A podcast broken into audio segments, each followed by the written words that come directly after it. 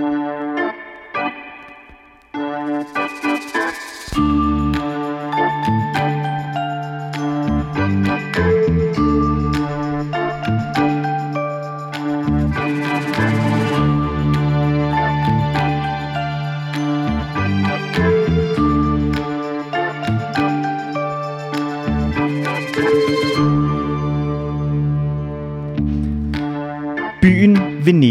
var engang en af verdens rigeste og mægtigste riger. Dengang Venedig var en republik, der regerede de store dele af Middelhavet, Sortehavet og Adriaterhavet med et utal af handelsskibe. Fra omkring 800-tallet så løsrev Venedig sig fra byzantinerne og fik deres første hertug, eller en doge, som de kaldte landets regent. Og dogerne, de skulle øh, regere over republikken Venedig i de næste små tusind år, lige indtil Napoleon Bonaparte, han fik nok og gjorde en ende på det hele. I dag, der skal vi svøbe os i dyb doserød velur og dykke ned i historien om, hvordan en af verdens mest berømte byer, Venedig, gik fra sumpet lagune til militær stormagt og handels- og kulturcentrum for Europa. Og hvis der er noget, vi elsker her i programmet, så er det historien om Venedig. Og derfor så er det en kæmpe fornøjelse at kunne få lov til at byde velkommen til Frederiks værk her på 24-7. Mit navn det er Frederik Vestergaard, og det her, det er mit værk.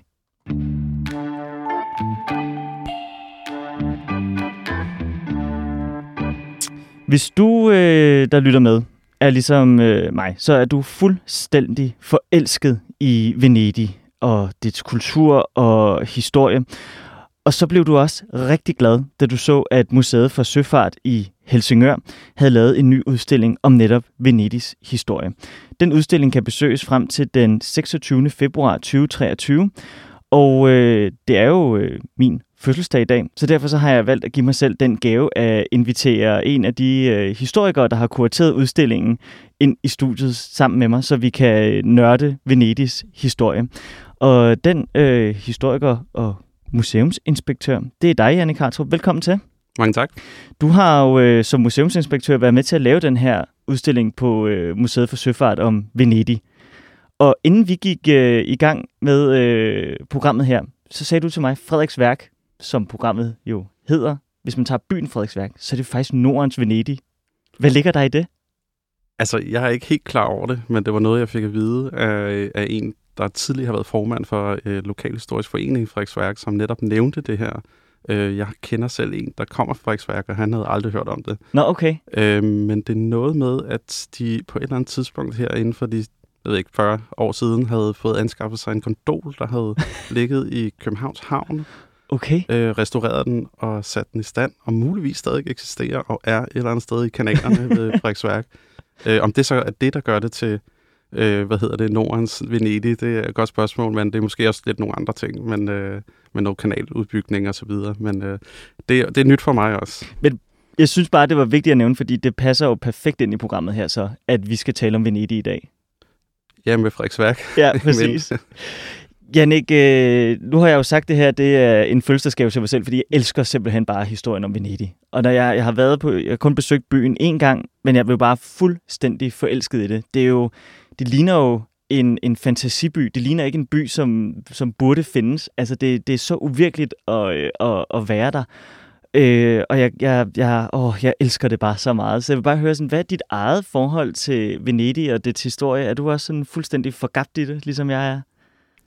Altså, det er blevet. Ja. Jeg må indrømme, at øh, jeg havde ikke det store kendskab til, til Venedig, altså andet end, jeg vidste, hvor den var, og, ja, ja. og jeg har de her billeder i hovedet, som nok de fleste har. Øhm, men, øh, men i og med, at vi ligesom fik øh, tilbudt den her udstilling fra et italiensk firma, ja. øh, som netop laver udstillinger og har ligesom deres forbindelser til øh, de her italienske museer, så var det klart, at jeg ligesom var nødsaget til at, at hoppe ned i den her vildt spændende historie. Øv, øv. Og, ja, virkelig ærgerligt. Og selvfølgelig også har fået fornøjelsen af at være dernede. Ja. Og man er jo fuldstændig blown away, når man ja. ankommer til den her by. Det er så uvirkeligt, selvom man netop har de her billeder i hovedet af, af den her by bygget på vand. Ja. Øh, så, altså, det er jo bare fantastisk. Jeg kan kun anbefale folk at tage derned. Øh, dog måske begrænser til visse perioder på året, fordi ellers ja. er der lidt for mange mennesker. Jeg var der under øh, corona-lockdown, og det hjalp betragteligt på det, vil jeg sige, selvom der var rigtig, rigtig mange turister. Men når man ankommer til Venedig, når man lander med flyet, og du kan kigge ud på lagunen, og du ser den her by, der ligger dernede, så tænker man, hvordan i alverden kan den overleve de næste 100 år?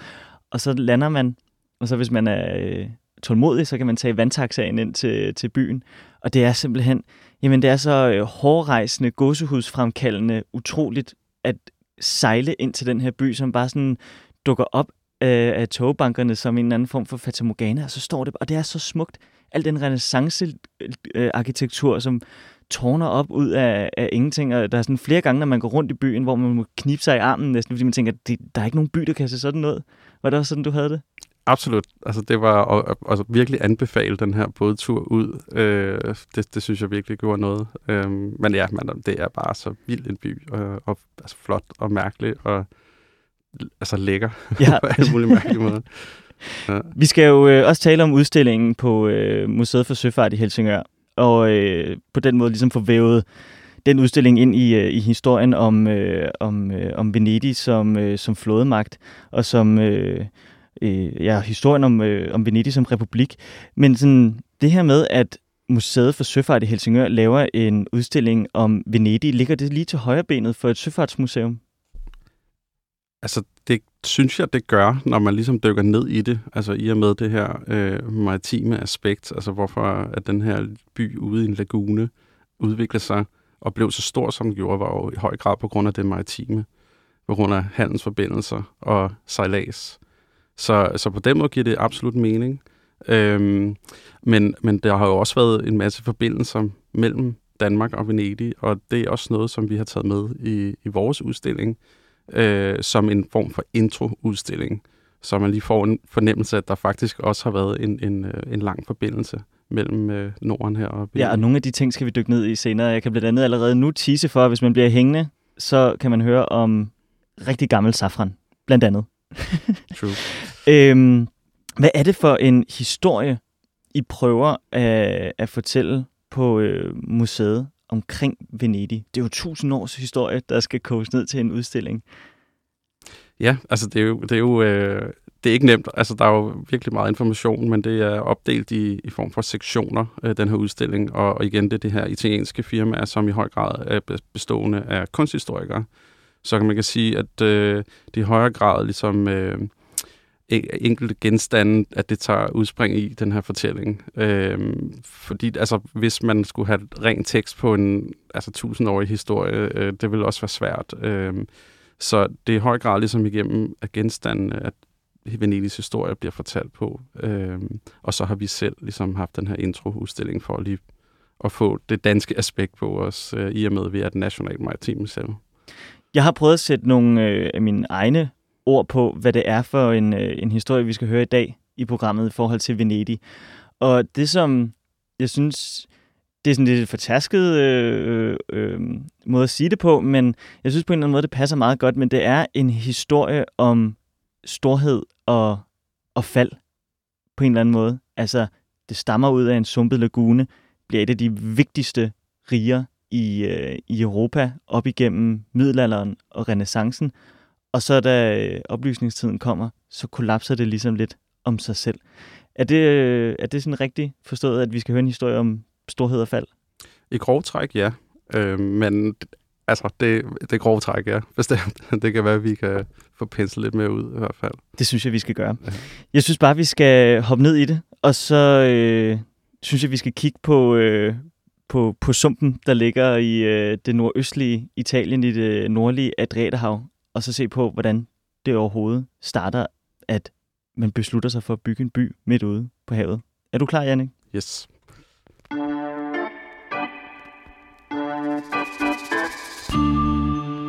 Det virker jo fuldstændig modstridende, at man skulle bygge en by ude øh, midt i en øh, sumpet lagune. Så hvorfor i alverden beslutter man sig for at gøre det? På grund af nød. Ja. Vi er her i, i 500-tallet, hvor at øh, det vestromerske imperie er ligesom kollapset, og øh, på det her tidspunkt er der jo flere forskellige stammer fra øst, der kommer ind og invaderer Italien. Det vil sige, at de vestromere, der ligesom boede på fastlandet, de prøver at flygte, og et af stederne, man kan flygte hen til, det er nogle af de her øer ude i lagunen.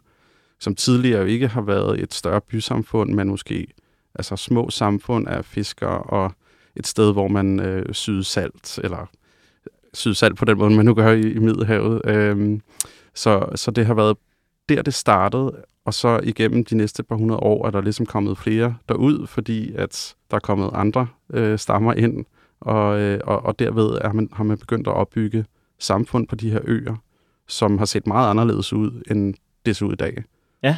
Altså det, man ser i dag, altså når man kigger på lagunen og Rialtoøen, som er der Venedig øh, by ligesom ligger, det er menneskeskabt i høj grad. Hvis vi går tilbage her i 5, 6, 700-tallet, så har det været en masse småøer.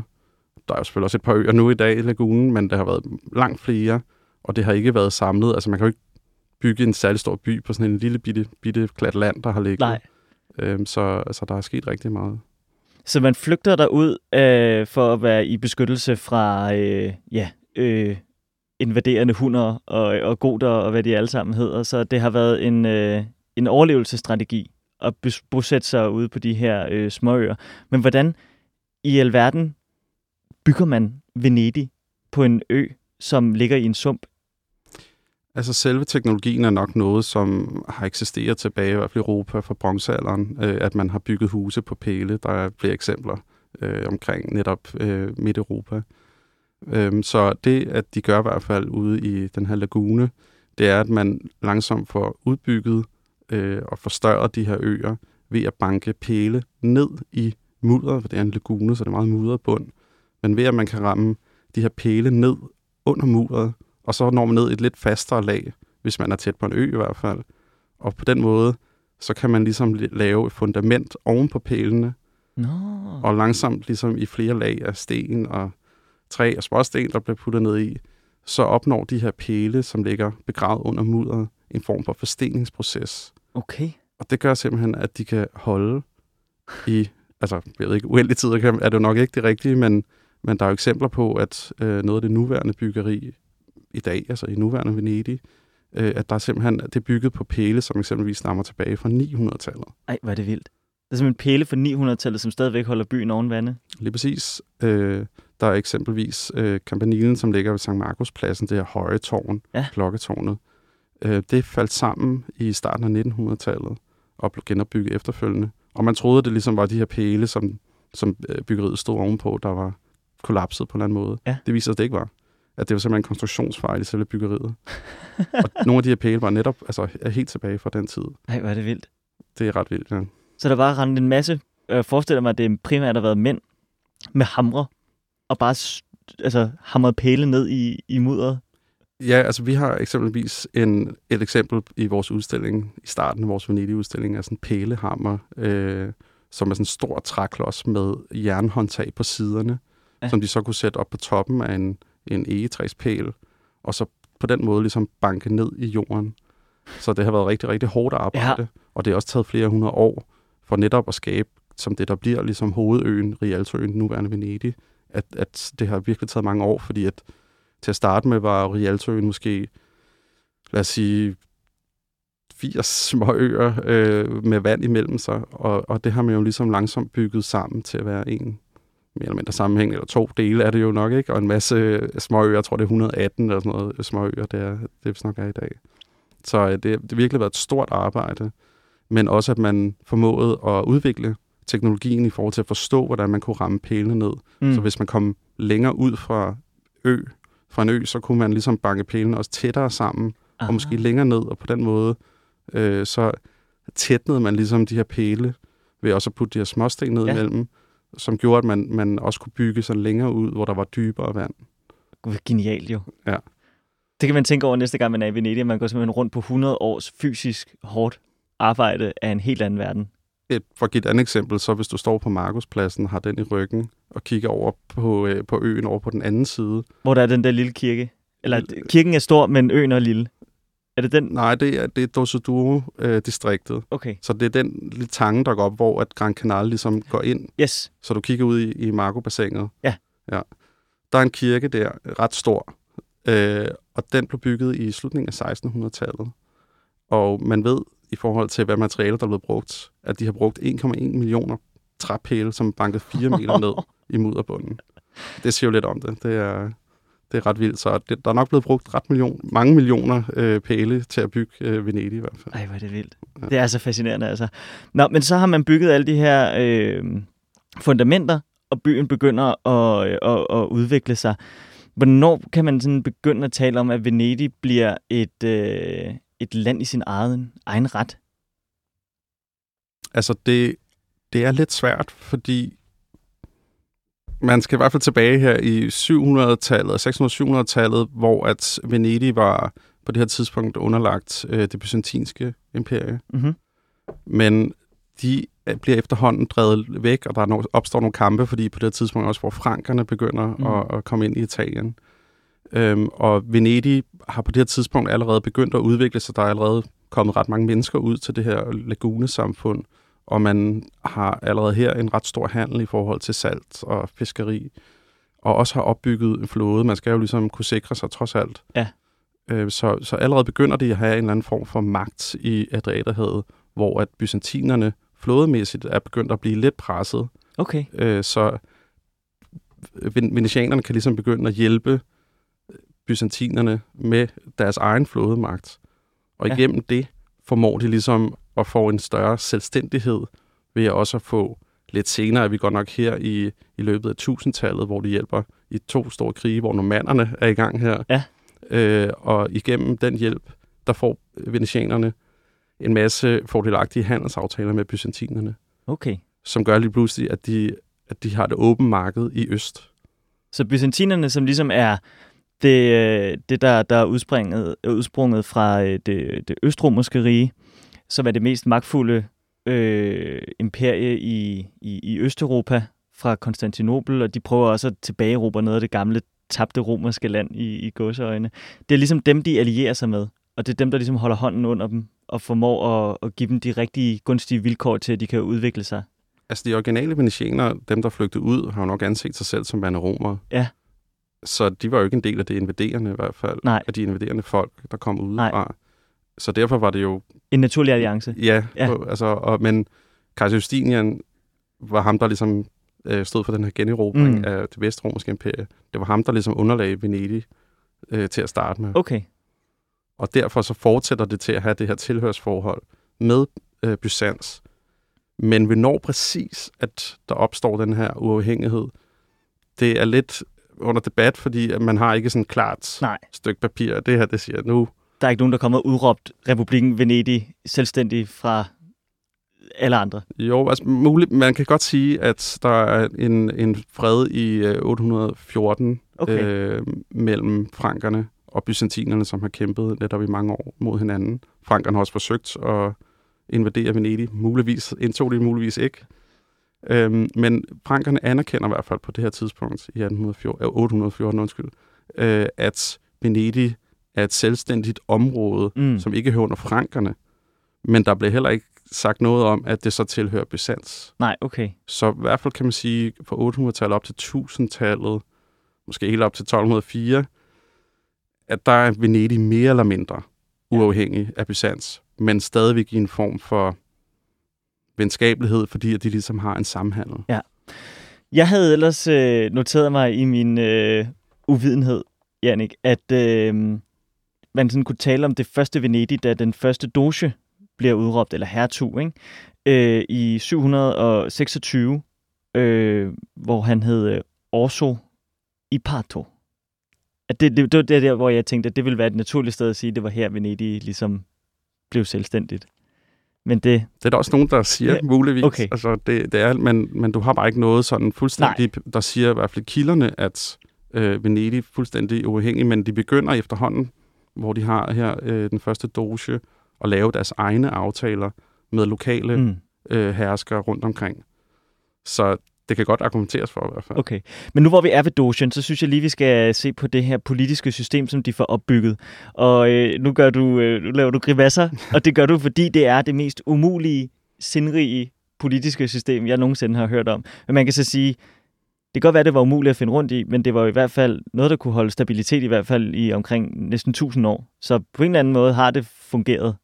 Men skal vi prøve at, at dykke ned i, hvordan de har øh, struktureret sig? Fordi i modsætning til mange andre lande på det her tidspunkt, så har de jo haft en form for demokrati, hvis man overhovedet kan kalde det det. Der er i hvert fald en eller anden idé om folkevalgt øh, styret øh, ledelse for det her land. Det vil jeg passe lidt på med at sige Nå, okay. på den måde. Ja. Det, det, det er nok helt klart mere en altså elite, der formår i hvert fald at vælge nogen. Okay, så eliten vælger nogen. Ja. ja. Men altså, jeg har du, øh, læst et sted, at øh, øh, Venedig formåede at have både en form for demokrati, oligarki og monarki på samme tid. Ja. altså, det er jo mange nyere termer i hvert fald, der bliver puttet på, og måske har det også lidt sin helt egen, altså unikke øh, system, men som også udvikler sig over tid. Øh, så det her med, at det har skabt sikkerhed for Venedig, altså i og med, at man, man havde en, en magt, som ikke røg i øh, alle mulige form for kampe internt, det passer heller ikke helt. Nå, okay. Fordi det, det går faktisk i de første mange hundrede år, for lad os sige den her tidlige selvstændighed i 700-tallet, øh, at dogene, de kæmper lidt internt med hinanden. Altså det er sådan meget mere fraktionsbaseret. Okay. Øh, hvor at der endda er brødre til Dogen, som overtager pladsen. Altså så det er form næsten arveligt. Nå, okay, ja. Men det er først så langt, henne, langt længere henne, altså i 1000-tallet, specielt 1100-tallet, at man øh, virkelig gør, gør oprør, altså og, og ligesom øh, ændrer den magt, som Dogen havde tidligere, ja. som værende nærmest form for sådan kongelig magt til at blive mere et form for ja, altså oligarki, men det kommer måske lidt senere, men i hvert fald, at, at det er eliten, som styrer, og der ikke er en selvstændig person, som står øh, og holder magten. Nej. Det er ligesom det, der er kendetegnet i høj grad for øh, det politiske system, at det ikke er enkeltpersoner, ja. men det er ligesom flere ja. mennesker, der, der, der holder magten, og altid med en doge, øh, som nogle gange kan man sige grænsekagefigur, øh, men stadig magtfuld, men, men bare ikke øh, magtfuld i forhold til at kunne udøve så meget magt, som Nej. måske nogen i hvert fald ville. Så det, det er øh, bestemt et system, hvor at, at det i høj grad den her adel, og en adel i Venedig er også anderledes end mange andre steder, i og med, det starter på en ø. Mm. Så det er jo købmandsadel. Ja.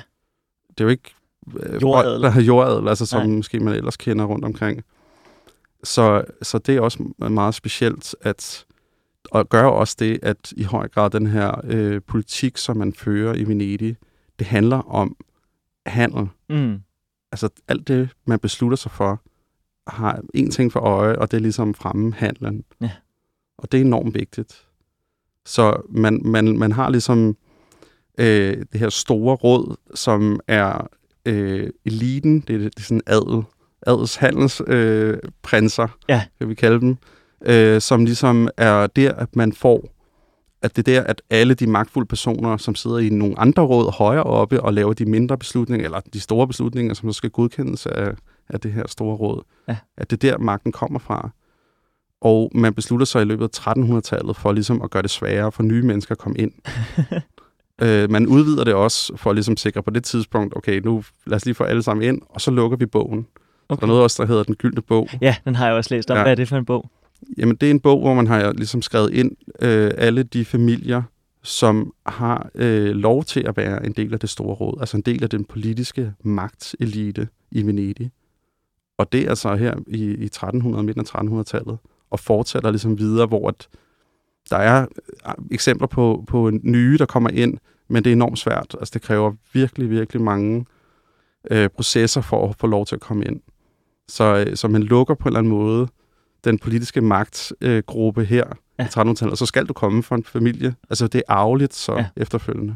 Okay, så helt demokratiagtigt, som jeg sagde. Det, er det, det lyder det ikke helt til at være. Ikke helt. Nej, men der er så, ja, det er så nederst i, øh, i øh, hvis man, jeg har, jeg har prøvet at tegne min egen udgave af, af, hvordan strukturen så ud, og det er blevet til rigtig mange mærkelige pile rundt omkring. Du har taget en lidt mere øh, overskuelig pyramide med, øh, hvor vi kan se på, hvordan det er struktureret. Og nederst, der har du det store råd, ikke?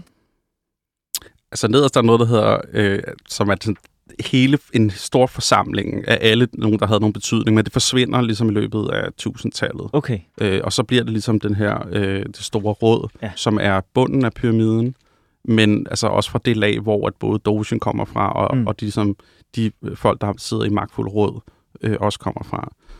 Så man kan sige, Dogen i toppen, Han har så hjælp af sit øh, råd, ja. som er øh, seks stykker, som svarer til de her store øh, de distrikter, som ligger i på Rialtøen. Ja. Øhm, og så øh, kommer der noget, som hedder 40-mandsrådet, og senatet, det, det bliver ligesom udskiftet på et tidspunkt. Øh, men det er samme lag også, øh, før man ligesom kommer ned så til, til det store råd. Og vi, altså her, den her, det meget groft defineret øh, pyramide i 1300-tallet er i slutningen, altså 1700-tallet, inden Venedig ligesom går til, til grund som uafhængig øh, stat, ja. så er det nærmest et system, som vi kender i dag, altså med øh, ministerier for det ene og det andet. Altså så det, det er lige pludselig en pyramide, som vil have rigtig, rigtig mange lag. Ja. Øh, så det er på ligesom lidt mere forsimplet måde. Øh, men der er ligesom, kan man sige, en regering ud fra den her pyramide, som jeg lige fortalte om. Ja.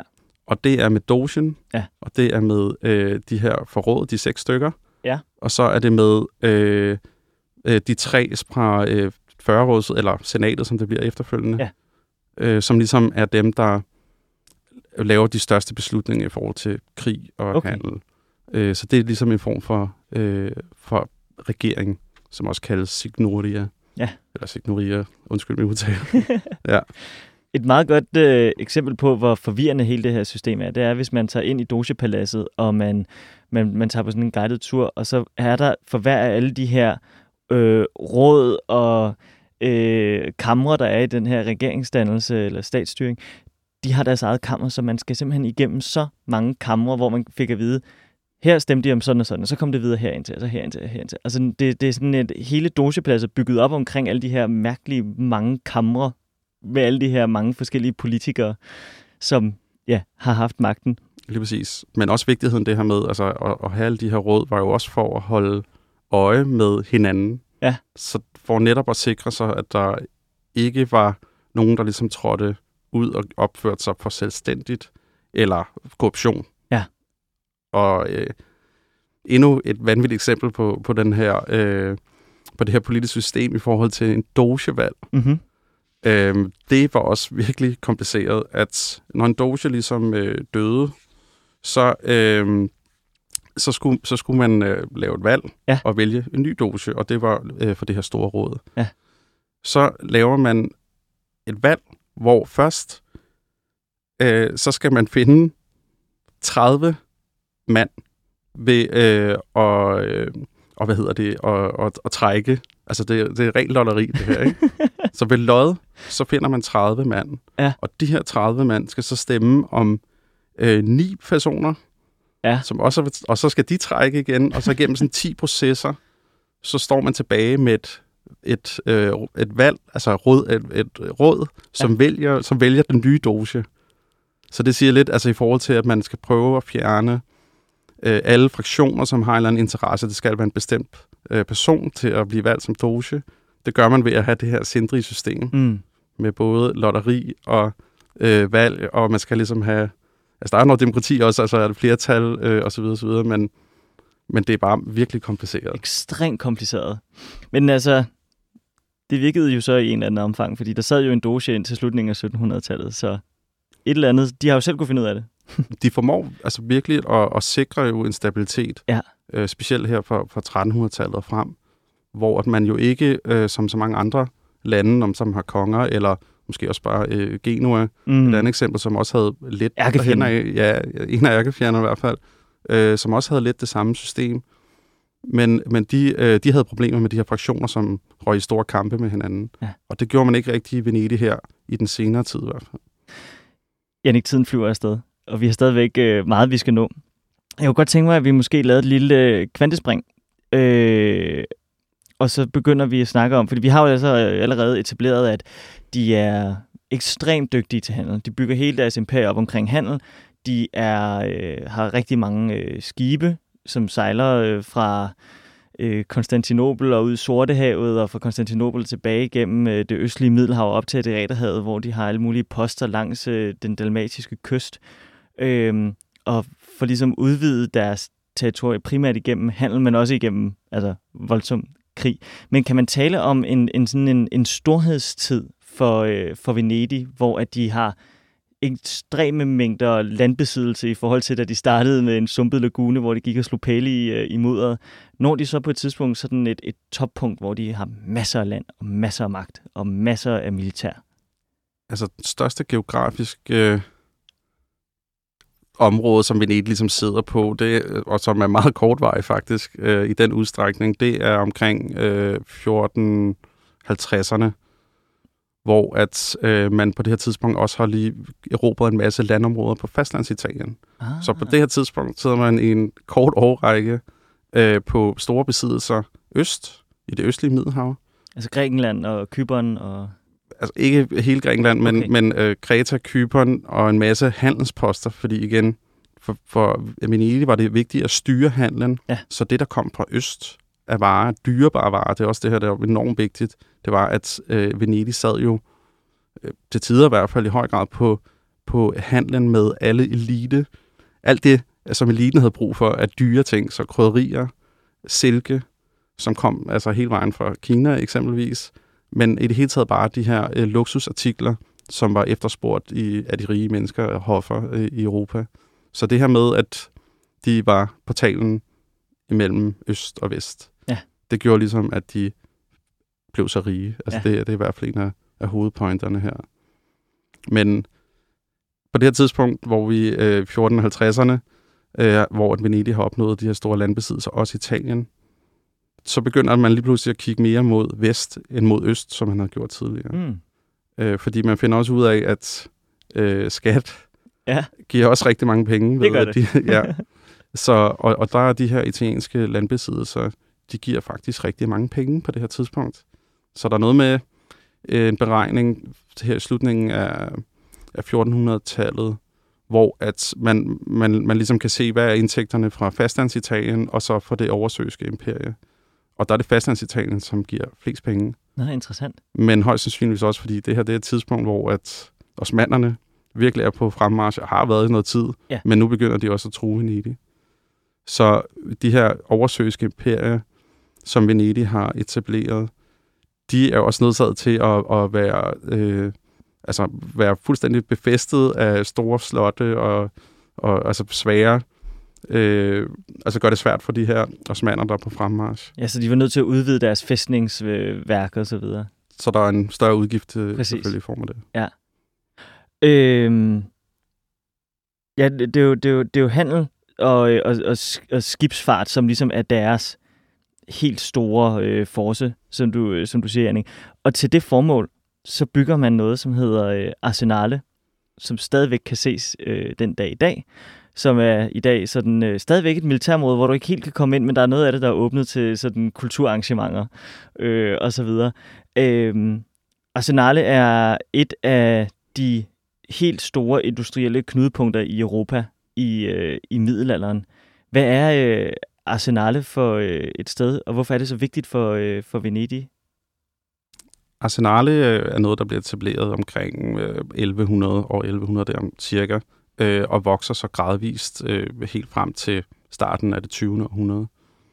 Og det øh, er noget, som ligesom staten pålægger at, at, øh, at bygge, så man har et værft, skibsværft, hvor man kan sikre, øh, at man kan bygge galejer, altså de her krigs øh, enormt hurtigt og på samlebånd. Så det er ligesom et eksempel på sådan præindustrielt ja. øh, produktionsanlæg, som er altså virkelig noget, som alle andre i hele verden, tror jeg nærmest, eller i hvert fald dem, der ved noget om Venedig på det tidspunkt, ja. er meget misundelige over. Jeg har læst noget med, at der var omkring 2.000 ansatte på øh, Arsenale, øh, da der var flest, eller er det mere? jeg tror godt, der kunne have været flere. Det er, det er lidt svært nogle gange, hvis det har været rigtig krisetider. Så, ja, øh... selvfølgelig. Men jeg har også øh, læst, at de var så hurtige i den her samlebåndsteknik, at de nærmest kunne spytte et, måske lidt overdrevet, men nærmest et skib ud om dagen. Jeg tror muligvis, der kan være lidt overdrivelse, undskyld, øh, over det, men, men der har været eksempler på ligesom at vise sig frem over for ambassadører, øh, og, altså vise, hvor, hvor dygtige ja, de var, ja. og hvor hurtige de var, at man, man faktisk har lavet det på en dag, altså man har bygget. Men ofte har man jo haft øh, altså det, her, det her samlebåndsarbejde, og en, en arbejdsproces, som har været opdelt, så man har haft ting øh, sådan klart, og så kunne man fra et værksted sende videre til næste, Og derved så er det her skib, ligesom, eller galej, øh, så bliver det bare bygget ret hurtigt, fordi man har allerede øh, præbygget øh, ligesom genstande og ting til, til at, at, at kunne færdiggøre en galej. IKEA-skibe. Ja, tidligere IKEA-skibe, ja. I, øh, i øh, Venedigs øh, storhedstid her i, øh, i øh, den tidlige renaissance, og øh, der er det jo et sted, man, som du siger, det er broen mellem øst og vest, det er dem, der forsyner øh, eliten i, i Europa med, øh, med alle de ting, som de, de elsker. Og derfor så øh, kunne jeg også forestille mig, at man sad i, øh, i Danmark og, øh, og tænkte, at det var, øh, det var godt at holde sig venner med Venedig, fordi så kunne man få krydderier og silke og porcelæn og så videre op til, øh, til det kolde, kolde nord.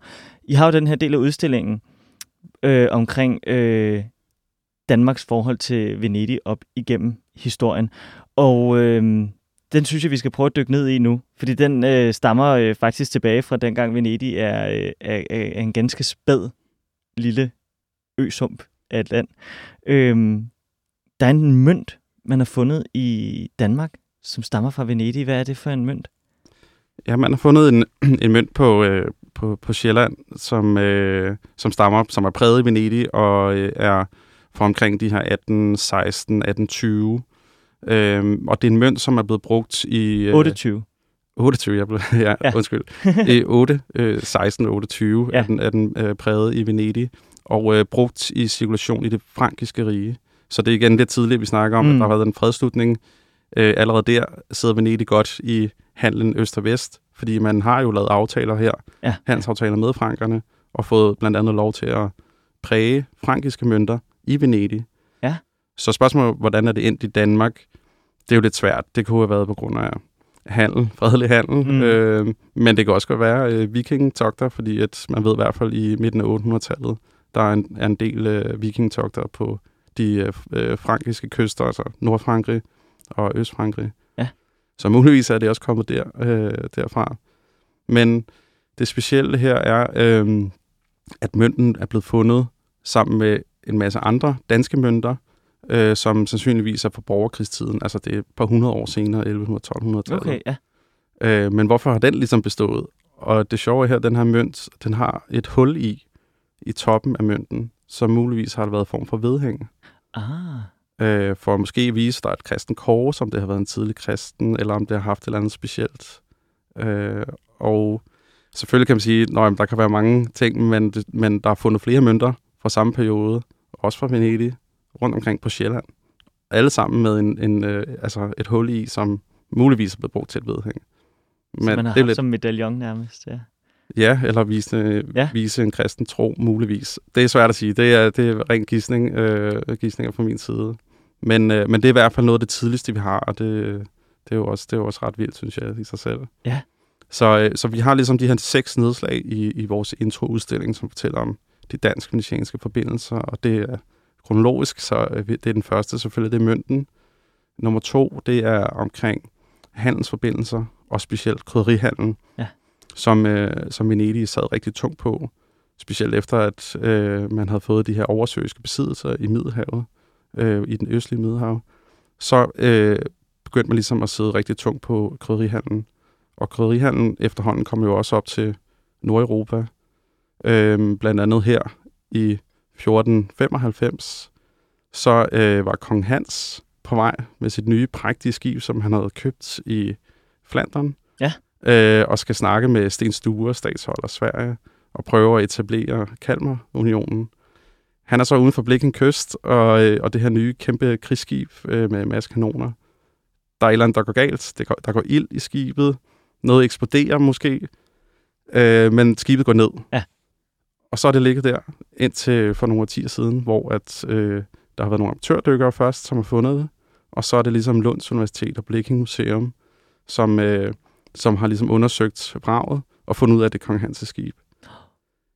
På et tidspunkt er der så en øh, arkeolog øh, nede og, og ligesom dykke ved vraget, og ligesom bruger hånden og skubber noget mudder væk, og så lige så bliver vandet rødt foran hende. Nej.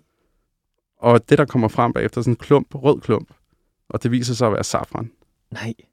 Der bare ligget safran nede på øh, bunden af havet så lang tid? Safran og peberkorn og alle mulige andre eksotiske krydderier. Og det har altså været dyrt på det tidspunkt. Ja. Og det viser også, at det med kong Hans' skib, det er ligesom en elite, ja, ja, ja. der har råd til det her. Og i, i slutningen af 1400-tallet, der, øh, der sejlede Venedig hvert år med en flåde op til Flandern for netop at sælge krydderier. I og med, kong Hans også har købt et skib, så er der i hvert fald en sandsynlighed for, at Venedig har været mellem øh, handlerne her i, i den her krydderihandel. Det siger også noget om, hvor meget magt de har haft igennem mandel, øh, ikke mandel, handel. Altså, de har kunne, øh, altså, det har ikke kun været militærmagt, de har udøvet deres øh, position med. Det har også været ja, handel. Begge ting, ja, ja. lige præcis. Ej, hvor er det fantastisk. Så, øh, så for det, så er det næste netop også øh, det omkring, øh, altså hvordan at der også har været forbindelser militært. Ja. Øh, selvfølgelig har Danmark også kigget øh, mod Venedig øh, i forhold til arsenale, øh, fordi man havde nysgerrig, hvordan kan man ligesom gøre sit flådeværfter øh, bedre og mm. hurtigere mm. til at, at, at lave skibe. Men øh, der er også andre altså undersåtter i dansk øh, norske rige, der tager afsted til Venedig og kæmper øh, for Venedig i nogle af de her mange krige mod osmanderne. Så i 1600-tallet har vi et par eksempler. Blandt andet øh, Kort Adler, den ja. norsfødte søhelt. Den store søhelt. Store søhelt, ja. Øhm, og han kæmper øh, for Venedig i sådan on and off 15 øh, år, og opnår rigtig stor heder øh, i sin kampe mod osmanderne for Venedig. Men er det fordi, det er et rigtig godt sted at blive uddannet, eller er det fordi, man føler, man bliver nødt til at hjælpe Venedig mod øh, de onde, ukristne muslimer? Jeg tror helt klart, at penge har en del no. med at gøre. øh, muligvis også øh, det, det sidste. Men, Nå, men altså bare for eksempel, altså, der er jo rigtig mange i Danmarks historie, som har taget til Holland for eksempel for at få en flådeuddannelse, fordi de bare var knalddygtige til det. Det samme det den gjorde... samme logik kan man vel også sige om øh, danskere eller nordmænd, der tager til Venedig for at blive dygtige. De tog først forbi Holland. Nå, okay. Ja. Og så var Venedig skridtet op? Nej, det var der, der var penge. Nå, okay. så i og med på det her tidspunkt i 1600-tallet, der er skibsteknologien, øh, det er ligesom i Nordeuropa, at, at øh, det, det er der, det fungerer. Altså, det er det nye. Mm. Øh, og øh, Holland, Holland eksempelvis i 1600-tallet, øh, de er virkelig øh, på, på front her, ikke? Øh, ja. Øh, i forhold til, til skibsteknologi. Så han, øh, Kort Adler, tager ned og ligesom bliver udlært som øh, officer, og er ombord på en af de her store øh, armerede handelsskibe. Og det handelsskib bliver udlejet til Venedig. Så han kæmper på det her store øh, armerede handelsskib fra Venedig i løbet af de her 15 år. Nej. Så, øh, så, så vi har, øh, så kommer han tilbage, fordi han bliver headhunted øh, og, og ligesom ender som øh, generaladmiral øh, i ja. Danmark, og øh, er med til at, ligesom, at have sit store præg på øh, flåden og på skibsbyggeri. Blandt andet udvikler han og bygger en del galejer. Muligvis også med inspiration fra Willy. Ja, ja. Det kunne i hvert fald godt øh, det kunne give god mening.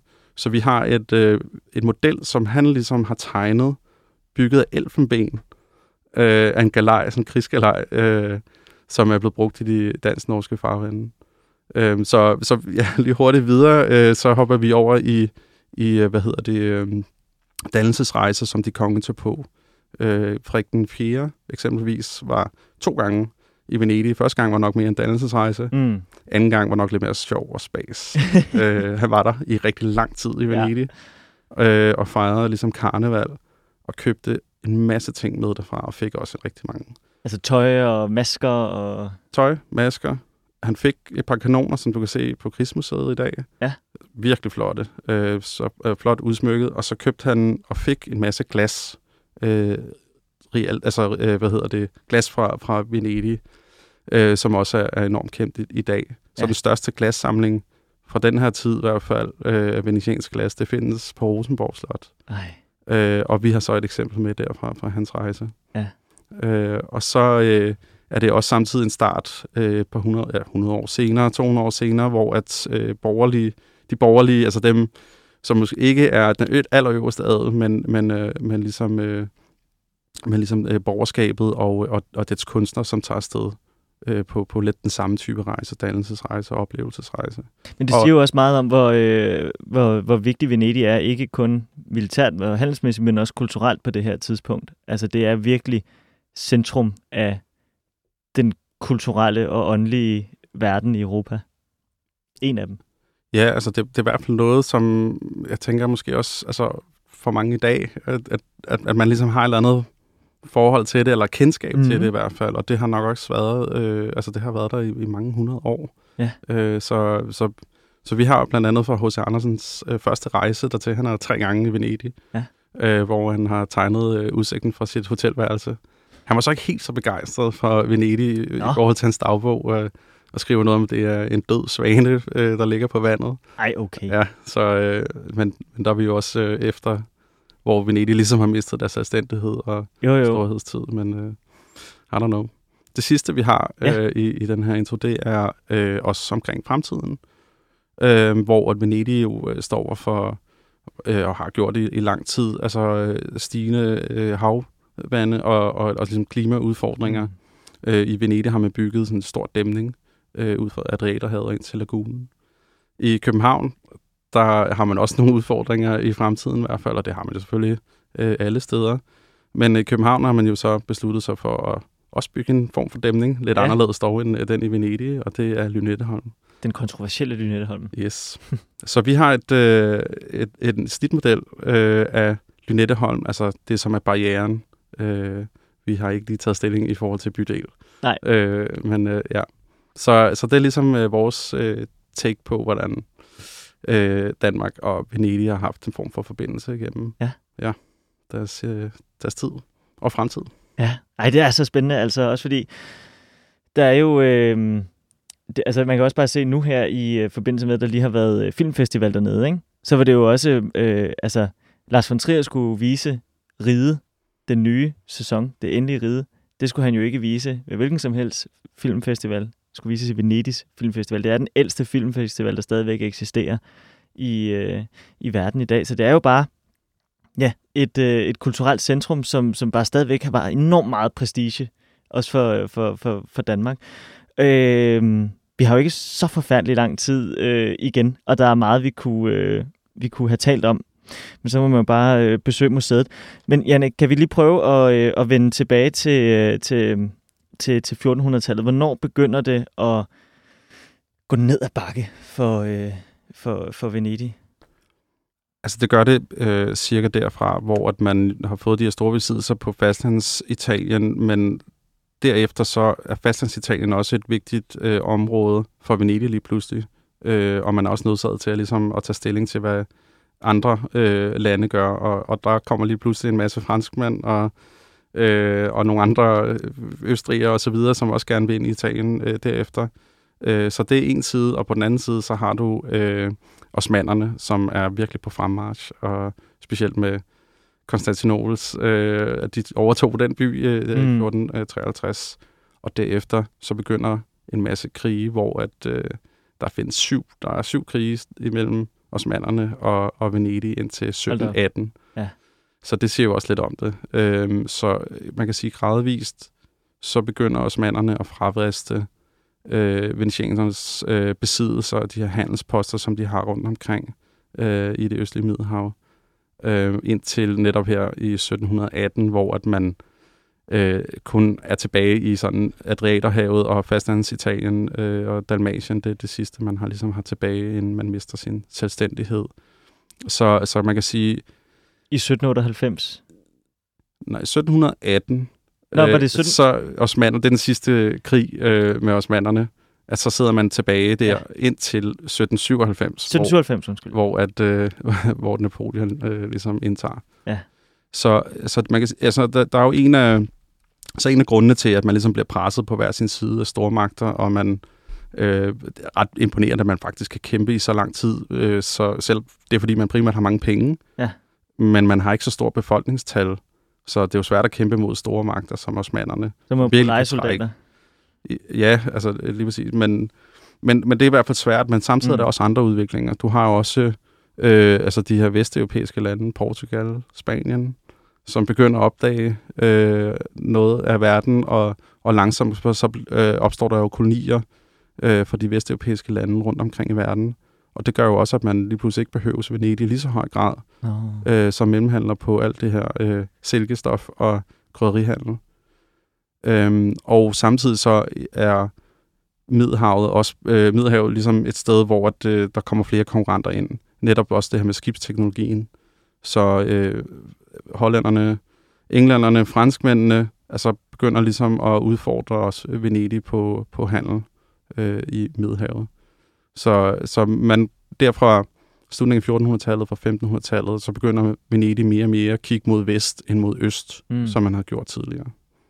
Da vi øh, snakkede sammen, inden du skulle øh, herind, Jannik, så, så øh, kom jeg til at sige noget med, at øh, 1700-tallet ligesom bare var det, det, det, det virkelig hårde og, og nederen århundrede for, øh, for Venedig. Og så sagde du, jeg synes, vi skal prøve at tale 1700-tallet for Venedig lidt op, fordi det er her, de virkelig sådan fokuserer på øh, kunst- og kulturliv. Ja, bestemt. Altså, hvor at man jo netop som på den politiske magtside øh, ikke længere er en storspiller øh, i Europa, så, øh, så er det samtidig øh, et, et århundrede, hvor at øh, mode, kunst og kultur virkelig får en stor opblomstring. Det er samtidig også øh, det her århundrede 1700-tallet, hvor man ser en stor stigning af turister. Og de her turister, det er primært ja, sådan, altså, rige mennesker fra øh, Nordeuropa, som tager ned, specielt øh, englænder eksempelvis, som tager på, på The Grand Tour rundt ja. omkring i, i Europa, og der er Venedig ligesom en af de hoveddestinationer i Italien, lige efter Rom. Øhm, og det gør jo også, at der er øh, rigtig mange luksusartikler, der faktisk kan blive solgt til, til de her turister, så, øh, så moden ligesom øh, får opblomstring, men også øh, kunsten i høj grad, øh, med eksempelvis Canaletto, øh, som er en af de her store kunstnere fra det her tidspunkt, som laver øh, bylandskaber, maler bylandskaber, øh, virkelig detaljeret, super flot. Ja. I kommer op på museet, vi har, øh, vi har i hvert fald et, et, et maleri fra ham, øh, men også en anden, som hedder Pietro Longhi, øh, som, øh, som også har lavet nogle fantastiske malerier, som vi også har. Ja. Øh, så øh, så det, altså, der er rigtig mange, som køber også noget af det her kunst med, øh, så eksempelvis med Canaletto, øh, en stor del af hans kunst i dag er faktisk noget, der findes i England. Mm.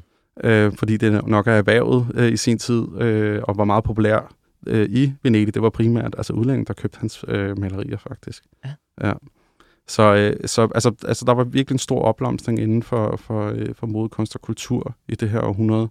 Og også øh, måske det århundrede, som er øh, som i hvert fald også er kendt for det her dekadence og, og, mm. og, og, og hvad hedder det, scenerier med karneval og, og, og fest og farver. Øh, så jeg ved ikke, man har haft sådan en sidste store, meget store, lange fest, øh, inden det ligesom går helt galt. Øh, men Venedig har ligesom også bare, øh, øh, i hvert fald på politisk side, trukket sig ind, at man, man prøver ligesom at, at bruge diplomatiet for at holde sig ude for alle former for konflikter. Altså en meget konservativ. Øh, og prøver ligesom bare at holde sig ude, og har ikke nogen alliancer eller noget. Og det er ikke så godt, når det så endelig går helt galt, og det gør det jo netop her i, mm. i slutningen af 1700-tallet, hvor at øh, revolutionskrigene ligesom går i gang. Og, øh, og, og det er der, hvor Napoleon så går ind i Norditalien ja. øh, og, og får at kæmpe mod, mod østrigerne. Og i, i den kamp, der bliver Venedig simpelthen trukket ind Øhm, også fordi Napoleon har et, han er ligesom ikke så glad for Venedig. Øh, han vil bare gerne have dem ned med nakken, ja. og det får han. Ja. Og så synes jeg, at øh, vi, skal, vi skal stoppe ved det. Fordi vi når simpelthen ikke mere, øh, Jannik Hartrup.